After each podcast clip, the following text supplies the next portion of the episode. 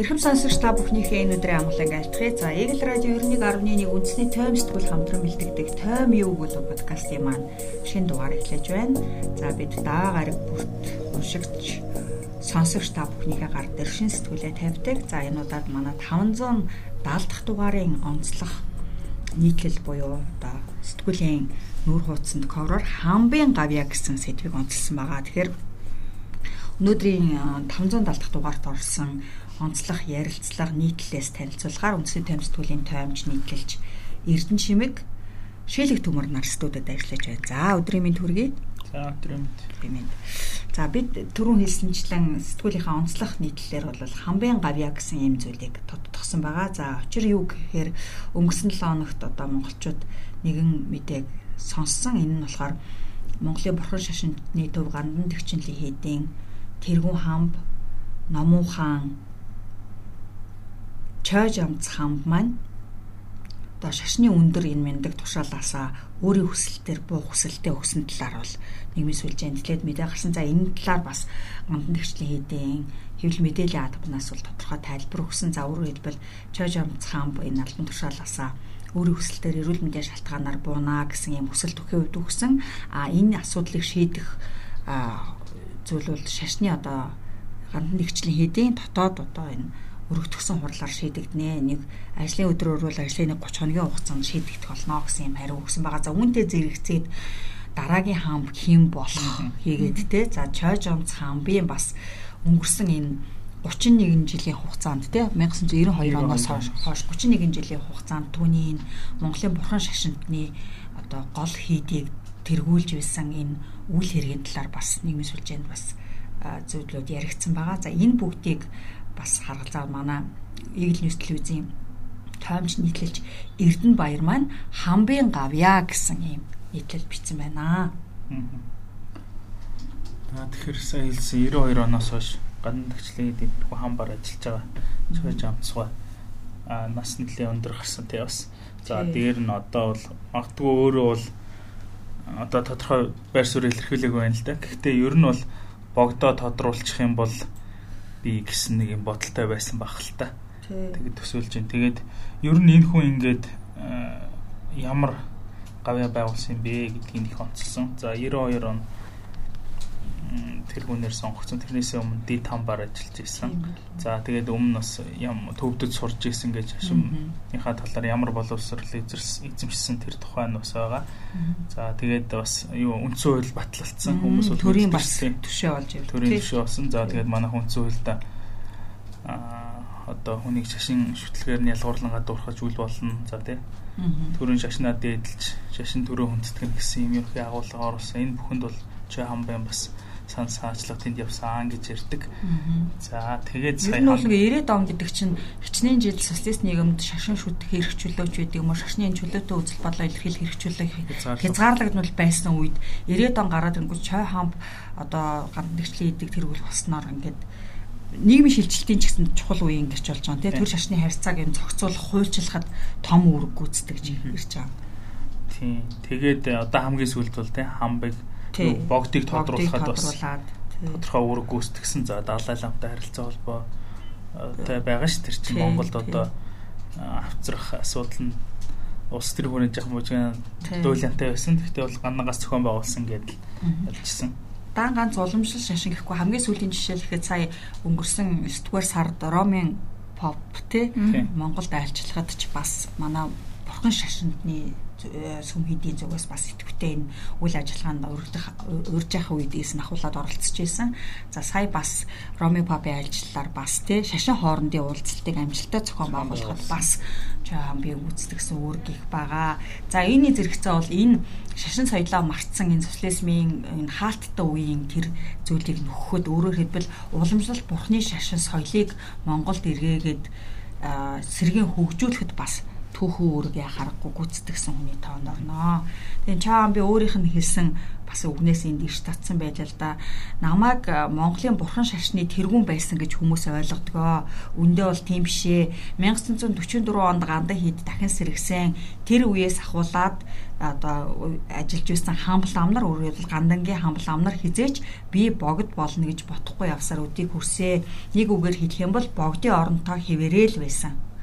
Тэгэхээр 10 дугаар богдыг 9 дугаар богдыг Монголын Монголын иргэн болгоод за мөн 9 дугаар богдыг төвд хүн байсан шүү дээ тийм 9 дугаар богдыг Монгол залж авчрах за 9 дугаар богдыг Монголын бурхан шашинтны жанж харлахаас өмнө Монголын бурхан шашинтны төвийн тэргүүн бурхан шашны тэргүүн гэдэг ингээр өргөмжлөхөд бол чой хаамбын бас зүтгэл бий за мөн залгаад одоо энэ жил туулаа жилдээ тунмал дүрээ бидэнд харуулсан энэ Бачир богдыг те залж энэ судалт нь олноор хүлээн зөвшөөрөх ажлыг бол төрөний шийдлэн хэлсэнчлэн яхаарахгүй ча хамбийн зүтгэлээр бүтсэн зүйл баха.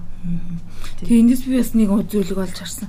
Би яагаад чи яг өөрийнх нь энэ ярьсан ишлэлээр ороогүй э, нөгөө нэг хамб угаасаа л бүгдийн дээд юм байна гэж боддог байсан чинь богд хамб хоёр л тустай юм байна. Тэгээ хэдүүлж одоо нөгөө богд хамбыг ажиллах холбоотой богдыг нөгөө нэг хамбын ажлыг оронд нь очих гэж анзаараадсэн чинь гэтэл тусдаа бас өөр юм байгаа юм байна. Бас боловсрох шаардлагатай тийм яг тэр өвд болорш яах. Мэдээж хэрэг тэр э, шин богдыгаа тодруулсан нэг нь тодруулаад авсан тэр хүн балчир богдыгаа цаашид те энэ бүртний шашныхаа эрдэм номд сурах багшийн хүртэл бэлтгэсэн байгаа бах. За мэдээж хэрэг богдыг юу хамбыг хэн орлох уу гэдэг дээр бас олон Монголын эрдэмтэй лам нарын лааранбуудын нэр бас сонсогдчихжээ. Өөрийнх нь багцаач байгаа бах те. Тэгэхээр хүн чинь нөгөө нэг өөрийнхөө үйл хэргийг өргөлжлүүлэх найдвартай зүйлээ олсон талбай хамбын мань амнаас тийм үг.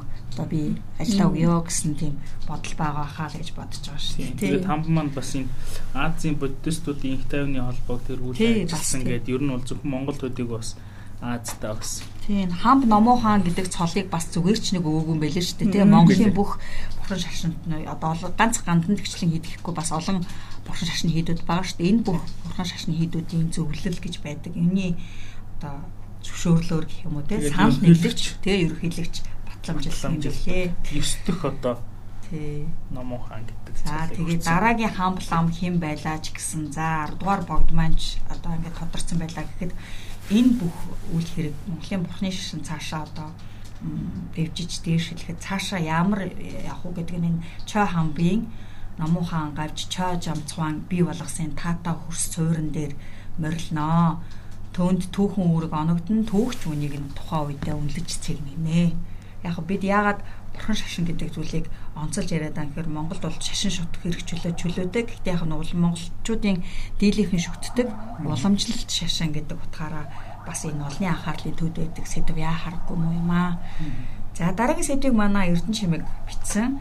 За нилээн тооцоо судалгаатай бас нилээн яа харахгүй бас энэ цагт дуурхаас өөр аргагүй. Тэгэхдээ бас олны анхаарлаас олонныхын бас төдийх анзаардгүй байх сэдвийг бас Эрка маань хүндсэн бэлээ. Насжилт дагсан айсуу хямрал гэв. За энэ дээр би Эрка нэг тоо их анхааралтай одоо 2020 оны байдлаар тий баг саяхны үг гэсэн үг шүү дээ. 20 оны байдлаар манай оронд 20 хүн тутмын нэг нь ахмад тастан байгаа юм байна тий. А гэтэл ердөө хэдхэн жилийн дараа 5 хүн тутмын нэг нь ахмад настан болох нэ. За үүнийг дагаад бол маш олон асуудал үүсч гарч ирэх юм тий. Бид нэр ерөөс дэлхийн орнууд бол аль дээр анхаарал бодлогоо бүр ер нь 2000 оны эхнээс ахуулаад бодлогоо тодорхойлон явцсан. Гэтэл бид нэр энэ дээр ямар ч алхам хийхгүй байгаа. Одоо 5 он тутмын нэг нь ахмад олно гингүүт. За э, сонирхолтой нь ерөөс дэлхийд даяар тий 60 70 онд бол нөгөө төрөлт ганцхан Монгол гэлтгүй бүүн болж ирсэн байна одоо бол нэг 2023 он гэхээр эрэгтэй 60-т эмэгтэй 50-тай гэхээр 60 эд оныхан ч яг тэтгэвртэй гараад эхэлсэн. Тэгээд дээрээс нь одоо нөгөө 70-аад оныхан бас араас нь заалгаж байна. Тэр ирэнгээр тэтгэврийн даатгалын сан дээр нөгөө нэг ачаал ирнэ. Тэгээд дараачийн ачаал үүрэх сан юу вэ гэхээр насчлалын одоо эрүүл мэндийн даатгалын сан. За эрүүл мэндийн даатгалын сангаас хөнгөлөлттэй байгаа юмны нэг 72% бол ахмадууд эзэлт юм байна. Гэтэл эрүүл мэндийн даатгалын сангийн за ерөөсөө 18 он одоос нэг 5 жилийн өмнөх тоотой харьцуулахад ерөөсөө 2.3 дахин нэмэгдсэн байгаа байхгүй юу. Тэрний 72% нь ахмадууд гэхээр ахмадын юм тарианы асуудал тий. За дээрээс нь ингээ улсын төсөвт энэ хоёр сан дээр ачаал нэмэгдэхээс гадна манайх улсын хэмжээнд одоо нөгөө насжилт уртсаа нөгөө гадаадд байгаад байдаг нөгөө асрамжийн төвүүд маань хаана нэ тий. Тэнгүүд асрамжийн төв Монгол 13 байна. Тэгсэн чинь 12 навих. Нэг нь улсынх гэтэл нөгөө улсын ганц асрамжийн газар нь байгаа төрх нь ямар байгаа лээ тий. Бацмөрийн асрамжийн газар. Одоо гэтэл энэ дээр ямар шийдгүү. За тэгээд хэрвээ асрамжийн газрууд бий боллоо гэж бодоход тэнд болсон ажиллах боловсон чинь асар хангалтгүй. Тэгээд дэлхийн жишгийг харахаар нөгөө асархуйн цалин чинь асар өндөр тарифтай байд юм л дээ. Гэтэл манай Монгол эсэргээр нөгөө нэг хүүхдийн асар хүүхдээ асрагч гинэ нөгөө цэцэрлэгийн багш нар гэ тий. Аа тэгээд нөгөө хөгжлийн бишэлтэй хүүхдээ харж байгаа хүмүүс сартаа 84500 байсныг нэг саяхан нэмэгдүүлсэн тий. Ерөөсөө ийм доод хэмжээнд байгаа. Гэтэл тэр асархуй ажлыг хийх сувилагч нар бол хамгийн багадаа ер нь энгийн одоо нэг эмнэлгийн сувилагчаас 2.2 дахин бараг илүү их цалин авч иж тэр хүнд ажлыг хийдэг. Гэтэл за ингээд геронтологийн төвийн үндэсний төвийн хүний хэлж байгаа. За нэг нийслэл хэдэн орж идэх. Хороо алганд 10 гаруй мянган байгаа гэж байгаа байхгүй. Тэр бол амар асар өндөр тоо. Гэтэл одоо хайшгаач мэддэхгүй өстэй хөв заяанда даатаг гэл хайцсан. Гэтэл тэр болгон дээж нь мар гадны жишгээр бол нэг хоёр хүний дунд ч юм уу тийм асрагч байх хэвээр. Гэтэл бүр бид нэр цэгээ чатгаагүй ээжэдэг. Гэтэл одоо ер нь хүн амын тооцоолоор нийгмийн хамгаалалт хөдөлмөрийн яамнаас гаргасан тооцоо болоод статистикаас гаргасан тооцоо аль алинаар нь ерөөсөө 50 он гэхэд бол хүн амын нөгөө нэг юу нь хангалттай 20% болно гэж байгаа. Одоо бол бид нэр их залуу орно гэж байгаа. Тэгээд үүнийг дагаад гарч байгаа нэг асуудал нь болохоор нөө юу хөдөлмөрийн зах зээл одоо ямар байгаа лээ те. Өнөө тайм сэтгүүл дээр маш олон удаа бичижсэн тарихгүй чи. Ер нь бол бүх салбарт л ингээд нөгөө нэг ажиллах хүчний хомсдолтой орсон шүү дээ. Гэтэл одоогор нэг 32 мянган 300 гаруй мянган ахмтаа тэднийг хараад нэг 10% хөдөлмөрийн насны 10% ингээд автоматар хасгаж байгаа байхгүй. Гэтэл энэ одоо нөгөө нэг тогтолцоогоо өөрчлөхгүй байх юм бол боломжгүй байгаа. Тэгэнгүүт ахаад 2050 он гэхэд нэг ахмадууд 20% нь боллоо гэхэд бараг 100 мянган хүн бас ингээд хэрвээ ямар нэгэн арга хэмжээ авахгүй байх юм бол хөдөлмөрийн зах зээлээс автоматар ингээд асаргуу ажил хийнэ. Тэгээд энэ бүхэн чинь одоо ийм хямрал ихэлжлээ ер нь бодлого шийдвэр нь хаана яаж явж байгаа юм бэ гэдгийг санааг л гаргасан. Тийм байна бас л их юу байна л да тий. Тэгээ энэ асрах төвүүдийн эрэлтч бас хэрэгцээтэй. Манай ч одоо тэгэл нэг ер нь тэр ганц бат сүмбрийн асрамжийн газар л байгаа шүү дээ тий. Бусд нь бол яг хувийнх нэртэй зарим баг шашныг алтга агуулгатай төвүүд байдаг бах тий. Манайх ч уг нь нэг 10 гаруй жилийн өмнө нөгөө хүн амын цонх үе гээл. Тий жид хөдөлмөрлөх насны ингээд хүмүүс ингээд авмгаалж байна. Энэ дээр одоо жинхэнэ бүтээн байгуулалт өрнүүлж уул санаа хөгжүүлэх ингээд хөдөлмөрийнхөө зах зээлийг сайн ашиглах хэрэгтэй гэсэн. Тэрийгэж ашигласан юмгүй одоо тэгээд дараагийн тэр хэсгийн ч одоо гоожод дуслах. Одоо тэр хүмүүс чинь гоожхон гоожол зарим нь одоо ахмад наснаар руу шилжээд ингээд юм байлчиж байгаа байхгүй. Яг харахгүй энэ бол ойрын 20 жилийн дотор бол нэлээд том асуудал дагуулах сэдв шүү тий. За дараагийн сэдвийг манай сэтгүүлч даасран бичсэн мянган бээрийн ухралт гэж. За ямар сэдв гэхээр энэ нөгөө л бидний ярьдаг нийтийн тээвэр. За сая одоо нөгөө алдарт ногоон автобусны дууланаас болоод энэ өвөл бид бол ер нь нэлээд хэцүүхэн нөхцөлд нийтийн тээвэр маань нэлээд хэцүүхэн нөхцөлд энэ өвлийг авах нь бол тодорхой болоод одоогоор дахиж тендрээ те зарлаагүй зарлах хэсэг нь тодорхойгүй байгаа нөхцөл одоо байгаа автобуснуудын багтаамж нөхцөл байдал нь ямар байгаа вүлээ.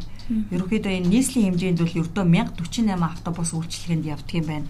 Эдний маань одоо хідэн одоо энэ өвөлдөө эвлийг дуусгахгүй агт нь гарах нь бол тий хэцүү болсон. Сая нөгөө автобус хэдэн автобус авчираад ингээд фейлдчихлээ. 400 400 автобус тий.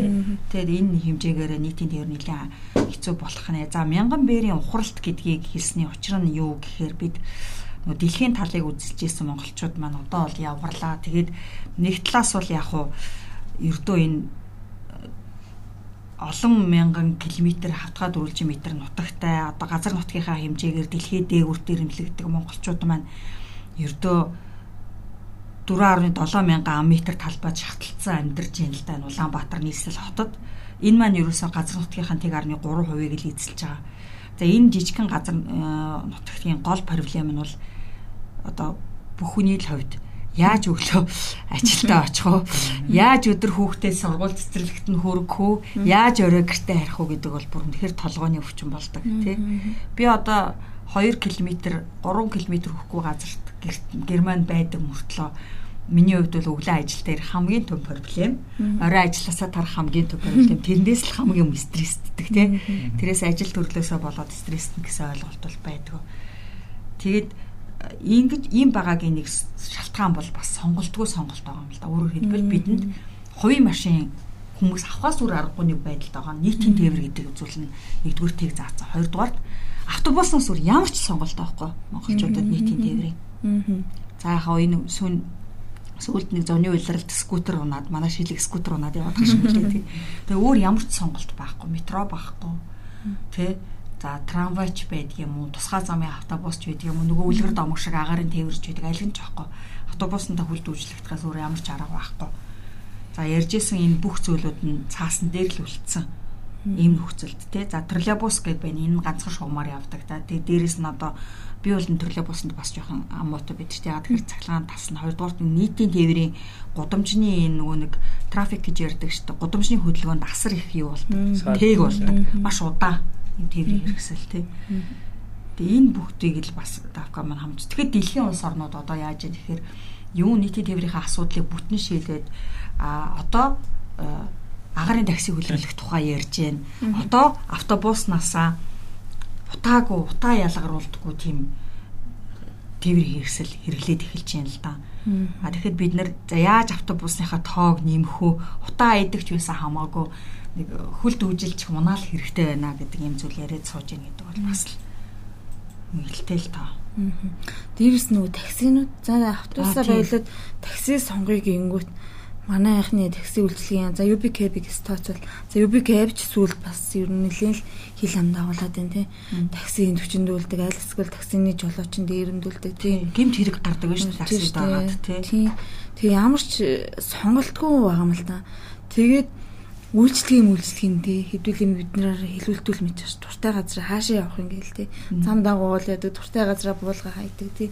Ямар ч үйлчлэгийн соёл энэ хараа 2018 оноос хойш такси үйлчлэгээтэй холбоотой 3100 гэмт хэрэг гарсан гэж байгаа. Одоо сүүлийн жишээ нь өнгөрсөн сард болсон харамсалтай хэрэг те тэр дорноговт амиа алдсан охин бас л таксины жолооч болсон. Өнгөрсөн энэ 2-7 хоногийн өмнө бас нөгөө баян шүний хөтлөөс такси бариад хүчрхийлүүлсэн охины хэрэгч гэдэг юм уу тий хүчингийн гэмт хэрэг байн гарч яан за дээрэмдэх за тэгээд эд зүйлсээ мартаж буух гэх мэтчлэн тий заллуулах гэх мэт маш олон хэрэгнүүд гарч байгаа.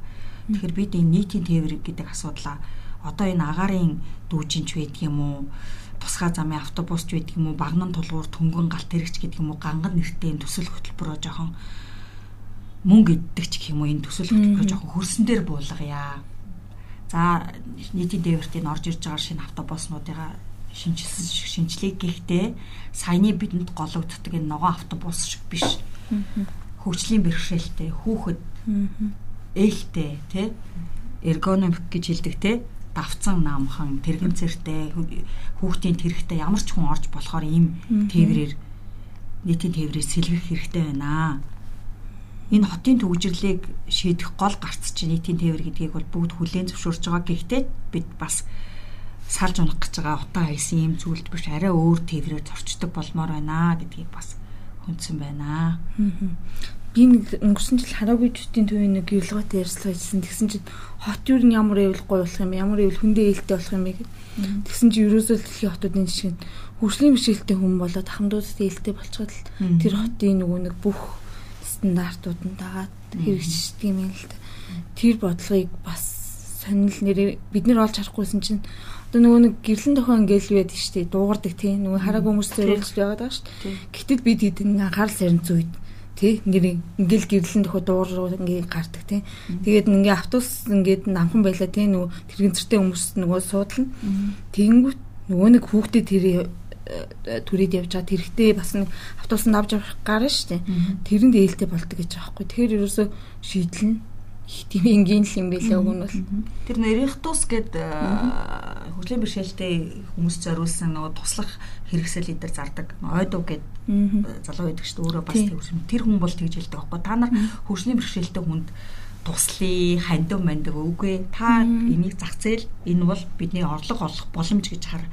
Одоо дэлгүүрүүд ч гэсэн хөрслийн бэрхшээлтэй хүнд зориулсан шат хэрэгтэй тусалж ийн хандив гэд те бидний нийгмийн хариуцлага биш. Энэ бол хөрслийн бэрхшээлтэй хүнд ханахаар үйлчлүүлж орлого орно гэж бодож ямаа төлөвлөж хийх хэрэгтэй. Өвдгөн болоо, өвдгөн ихний ээлжинд тавихаа болоо гэсэн байхгүй те. Тэгэхээр яг бас энийг бас бодоо штэ. Манай нийтийн тээвэрч гэсэн тэрийг бодоо штэ байгаамаа. За За дараагийн сэдвийг манай Игэл телевизийн таймч улс олд бичсэн. За нууц цаашаач задарна гэд. За өнгөрсөн 7 хоногт энэ хуультай холбоотой манай хэвлэл мэдээллийнхэн бас тий ямар хууль байлаа шилхий эрүүгийн юм байсан. Тий. Эрүүгийн хэрэгт эрүүгийн хэрэг эрүүгийн гэмт хэрэгт одоо эрүүг хууль өөрчлөлт оруулах хууль байсан тий. Тэгээд тэр хууль маань яг нэг заалт байсан тэгээд буцаагаад татагдсан л та. Сэтгүүлч эсэргүүцээд сэтгүүлчдийн нэг зээл эсэргүүцээд Энэ нь бол нөгөө нэг мөрдөн шилжих ажиллагааны нууцыг задлах гэмт эргийн одоо ялын нэмэгдүүлэх зохицуулт. Энэ бол юу нь бол тайлбарлаж ирснээр бол түүштэй зориулсан залт биш байсан шүү дээ. Биш байсан тийм. Манайхан жаахан тэрэн дээр бас нэг талыг бариад явсан. Аа тэгээ энэ нь бол уг нь бол их чухал залт. Яг тэгвэл тэр одоо нөгөө нэг мөрдөн шалгах ажиллагааны мэдээлэл алдагдсанаас болоод хэрэг нь илэрхгүй удах гэмт итгээд нь ингээд тий уул мөрөө бааллах урган зайлах. За тэгээд цаашдаа энэ мөрдөн шил ажиллагааны нууцыг задруулах гэмт хэрэг нь ялан хөнгөн байснаас шалтгаалаад магадгүй тэр хүн гэмт хэрэгтэнд бас мэдээлэл өгөөд иж болно шүү дээ тий. Зөвхөн сэтгүүлч нарт гэхээс илүү. Тийм юм тэгэхээр энэ манай улсаагийн нийтлэл болохоор ер нь бол жоохон хэвлэлийнхэн гэж өнгөрсөн 7 шуурлаа шүү дээ. Тэгээ ер нь бол цаашдаа за яг хэвлэлийнхний ингээд хэвлэлийн зориулсан гэж хэлээгүй ч гэсэн ингээд хязгаарлах орлого байж болно. Гэхдээ ер нь ингээд хувь шүүхийн байгууллага бас өөрсдөө улс төрчд өөрсдөө хэвлэл мэдээллийн хэрэгслийг өөрсдөө ингээд ашиглаад. Ингээд улс төр хийхтэй улс төр хийхтэй яваад хэрэгсэл гээ бүр тодорхойлцсон байгаа гэж байна. Ажиллагааны нууцыг заадалдаг. Тэгээд ямар ямар тохиолдлууд гарч ирсэн тэр тухай ингээд жишээнүүдийг бичсэн байгаа. Тухайлбал одоо нэг лифтэнд одоо лифтний нөгөө баасан цогтыг хэрэг тий. Тэр чинь бас нөгөө замын цагтаагийн ингрийн камер дээр хийв бичлэг энэ төр ашигласан байсан шүү дээ. Энэ мэт тэгээ гарчиг нь бол нуус цаашдаа задарна гэдэг нь энэ байдлаар ингээд задарнаа ер нь тийм. Бид хэрэгсэл болоод ашиглагдаад байгаа шүү. Тий, хэвлэл мэдээллийн хэрэгсэл маань тэр хүмүүсийн хэрэгсэл болоод ашиглагдаад байна гэсэн агуулгатай нийтлээ. За, дараагийн сэдвийг шилэг өөрөө бичсэн байсан те. Буруу дуурайлж байгаа дарга Дарга маань өнөөдөр 100 мянган санал авчих шиг болох юм. Тийм, тэглээ тий. Зандач дарга маань нөөтийн буцаалтын 2%-ийг 5% болгоё. Энэ бас өнгөрсөн 7 хоногт одоо ч тэгээд бас гол сэдвээр яригдаад лээ. Гэхдээ хүн ер нь ингээд сонсоход бол гоё л доо. Хүмүүс нэгээд мөнгө өгч шүү дээ тий. Мөнгөний хөнгөч нэмэгдүүлэх гэж. Гэхдээ эн чинь санхүүгийн боломж энэ төр ямар байгаа вэ гэдгээ бодолцох хэрэгтэй. Гэхдээ би нэг зүйлийг онцлно. Ер нь ингээ зан зэстэр дарга уу юу ингээд тэгээ ерхий сайчиг, сангийн сайчиг мэдээлээ гэл. Төрүүжл нэг татвар нэмнэ гээл. Тий. Яриад тэгээл тэрэн шүүмжлүүлээл тэгснэ нэг өндөр 2.5 5 сая залинтай хүмүүсээс өндөр татвар авах хэрэгтэй гээл. За тэгснэ сая хүүхдийн шулга эхлэх хүүхдийн мөнгийг одоо 100 мянга хэвээр нь олохгүй эргэж харах хэрэгтэй гээл.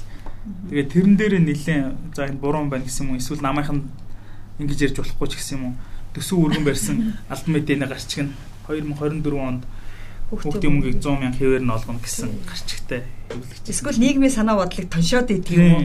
Дуршаад байна уу тийм. Тэгээ энэ удаад одоо ингээд 2% ингээд санал асуулга. Тэгэхээр энэ нөгөө 19 онд хууль өөрчлөлт оруулахдаа ер нь бол иргэд олон нийтийг одоо төрийн оролцоог нэмэгдүүлэх гэдэг агуулга авчихсан. Тэгээд энэ юуны улсын хурлын тухай өөрчлөлт оруулсан. Тэрийг давуулаад Тэгээд одоо иргэд ингээд санал гаргаж болох хууль санаач бус дорнд бол байдаг процесс юм л санал гаргаад тэгээд тэр нь одоо тодорхой хэмжээний босго давбал манайд бол одоо 100 мянган иргэн саналаа өгчвөл хууль болж хууль санаачлаа. Тэгэхээр өнөөдөр бол 100 мянган босго давчлаа. Тэгэхээр зандаач нар дарга маань нөгөө бусад хамтарч байгаа хчүүдтэйгээ хуулийн төслөө боловсруулаад өргөн барих байх. Ингээд байгаа тий.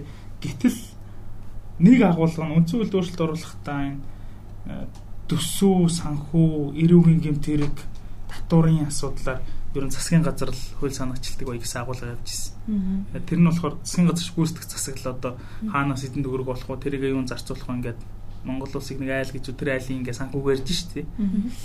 Ингээ яасан. Гэвтэл яг үндсэн хуулийн тэр өөрчлөлт улсын хурлын тухайд суулгахдаа засгийн газар зөвхөн эрүүгийн гэмтэр санхүү юу татварын асуудлаар хууль санаачлах эрх нь уг нь засгийн газарт өгнө гэж хэлсэн боловч улсын хурлын тухай хуульд болохоор шинжилсэн найруулга болон анхдагч хуулийг засгийн газар санаачлна гэсэн үг байхгүй. Тэгэхээр одоо бол зандагчдар даргаих шиг 1 2 заалттай ч юм уу одоо өөрчлөлт нэмэлт өөрчлөлийн цэцлэг улсын хурлын гишүүн санаачлал болохоор болчихж байгаа. Тэгээ ингээд зандагчдар дарга ингээд энэ хуульд санаачлал явж. Тэгээ намынхнаас сангийн сайдаас эхлээд намынх нь ингээд дургуцээд ингээ ингээд.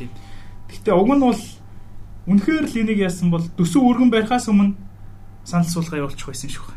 Тэгэл за 100 мянга болчлоо гэж тэгээд төсөв дотроо шингээгээл багтаагаал тэр театргүй сонгуулийн жилийн төсөв шүү дээ. Сонгуулийн жилийн төсөв энд байтугай саналыг бол оруулж байгаа шүү дээ. Ийм байгаа. Гэхдээ цаашдаа тэгтээ энэ юг энэ одоо иргэдээ санал аваад хуулийн төсөл боловсруулалтыг бас яг үрээ хязгаарын илүү тодорхой болгох юм шиг. Одоо бол үндэсний оюул байдлууд цаад учруулах учруулах тийм санал суулгах гаргахгүй байх мах гэсэн тийм ерхий зохицуулт байгаа. Гэхдээ цаашдаа одоо ингээл 100 мянга болчлоо. Одоо ийм хууль гээл шахаад байвал хэцүү шүү дээ тий. Янз бүрийн санал. Одоо янз бүрийн санал. Бүр энэ юу төх тусмаа. Сонгуулийн цикл ойртох тусмаа янз бүрийн санал асуул гаргах л баг. Тий. Тэгээд дээр нь улсын хурлын даргуул уг нь бол ус төржил сонгуульд өгч байгаа ч гэсэн ер нь ус төржиж болохгүй гэдгийг гişүүдтэй уриалах те бас нэг ангийн дарах чинь хөлгөр дуурайлттай байх хэрэгтэй юм шүү дээ. Гэтэл өөрөө сонгуул харцсан ангийн юм яриад байгаа юм. Тэгээд нам дотрооч гадшаа харагдаж байгаа ч гэсэн жаахан буруу. Тэгээд жаахан сайн тэрэн дээр бол яг байгууллагын нэгтлэн шиг хариулт өгсөн шүү дээ. Тийм байхгүй. Тийм нүүтэн дээр өмнө та санаж нэг бас эдийн засгийн хөгжлийн сайд Хүрлбаатар бодлоо хэлжсэн тийм. Ер нь бол нүүт бол тоолж оролцож болдгүй хамаагүй оролцож болдгүй тоглоом шүү. Үгүй нодлж тод жишээ штэ. Болиулаад нөгөө суглааг нь болиулахад төсөө орлого яалаа тий. Тэгээ буцаагаал эргээгээд яасан мэт. Тэр үед бас би сэтгүүл хийгээл бас подкастаараа яриад за манай бацаахан биччихсэн тий. Нийтлэл бацаахан биччихсэн. За ингээ нөөтөр оролцож хагаад наад э, даалд эдийн засаг чинь бүр яагаад наад нөөтий чинь юу суглаанд байхгүй болоод бүр юу ч орохгүй шүү гэл тэгэхэд л бас тэгэл за буцаагаад нөтийнхөө суглааг явуулахаас өөр аргагүй боллоо гэж буцаал гарч байсан шүү дээ.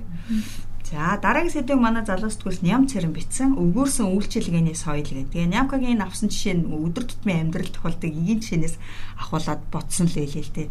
Одоо хүргэлтийн үйлчилгээ нь цар тахлын үеэс хойш дэлгэрлээ, модонд орлоо.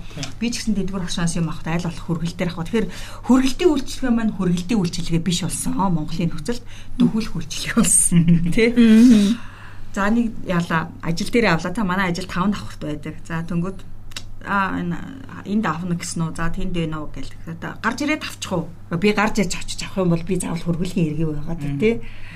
Гэх мэтчлэн үйлчилгээний стандарт Монголын хөрсөнд буухаараа дандаа монголчлогдоод дөхүүлэх үйлчилгээ болоод явдаг. За альч мундаг брендийн дэлгүүр Монголд одоо сүлжээ дэлгүүрүүд ч бай. За одоо нөгөө нэг ая тухтай дэлгүүр гэдэг үлээ манай нөгөө нэг GS эдэр гэдэг.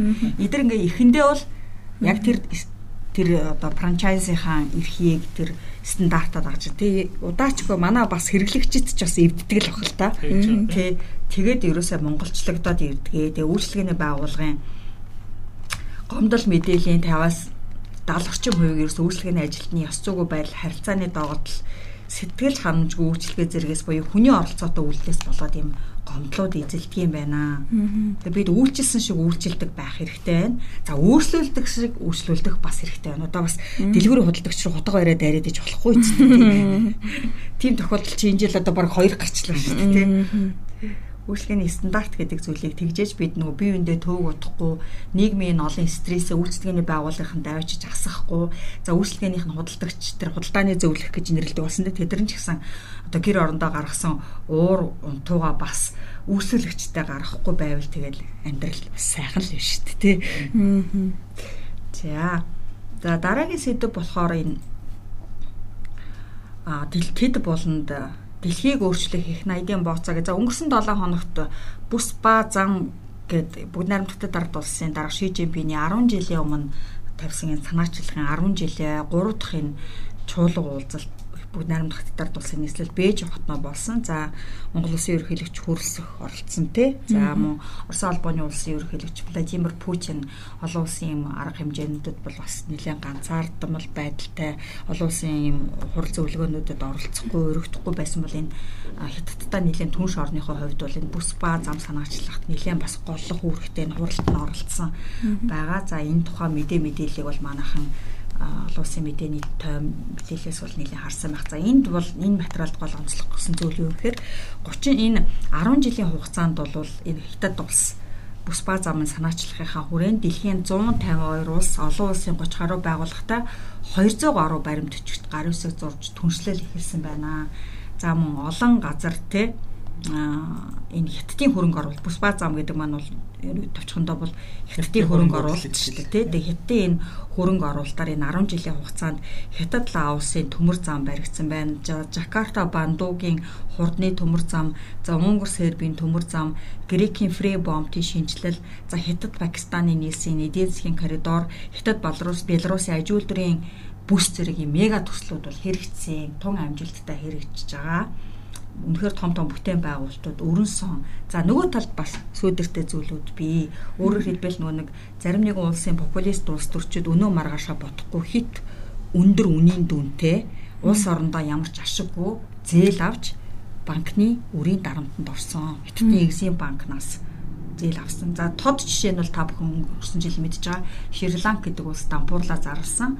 За тус улс нэг бомбтой шинжлэхтэй бол хятадаас зээл авсан. За тэгээ энэ зээлийг төлж чадахгүй дүрсэн. За угаасаа улсынх нь өрн нь бол бас Япон зарлах хэмжээнд болсон байсан. Тэгээ одоо энэ улсын нийт төлөх гадаад үрийн 3.1 хувийг тий 3.1 хувь хятадд оногдож байгаа. Гэх мэтчлэн. За Пакистан бол бас энэ Шинжаантай хилдэг хил дээрээ бол бас хуурай зам юм том бомбд барьсан боловч бас энэ хятадаас авсан зээлээ өргүү зарцуулсан авилга хээл ахуулын асуудал сөхөгчнөөс болоод бас тэг зогсол тэгээд бас өрөнд орсон юм зүйл харагдаж байгаа. За за мөн бас Африкт энэ Африкийн Кен гэдэг улс хятадын хөрөнгө оруулалтаар юм төмөр зам барьсан. За тэгээ төмөр замынхаа эхний хэсгийг 2017 он цөр дуулантаар нээсэн боловч яг улсынхаа тэхийг голд очоод 20 жилийн дараа төмөр замын бүтээн байгуулалтанд зогссон. Ягаад гэхээр ямар ч ашиггүй, зорчигчгүй, бараа тээвэрлдэггүй юм төмөр зам.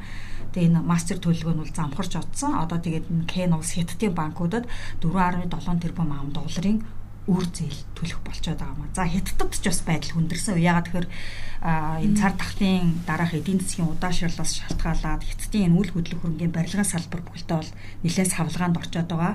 Өнгөрсөн 7 хоногт манай гадаад мэдээний тавьж байгаа баярын хэлснээр хятадын барилгын 331 компани давхурч байгаа.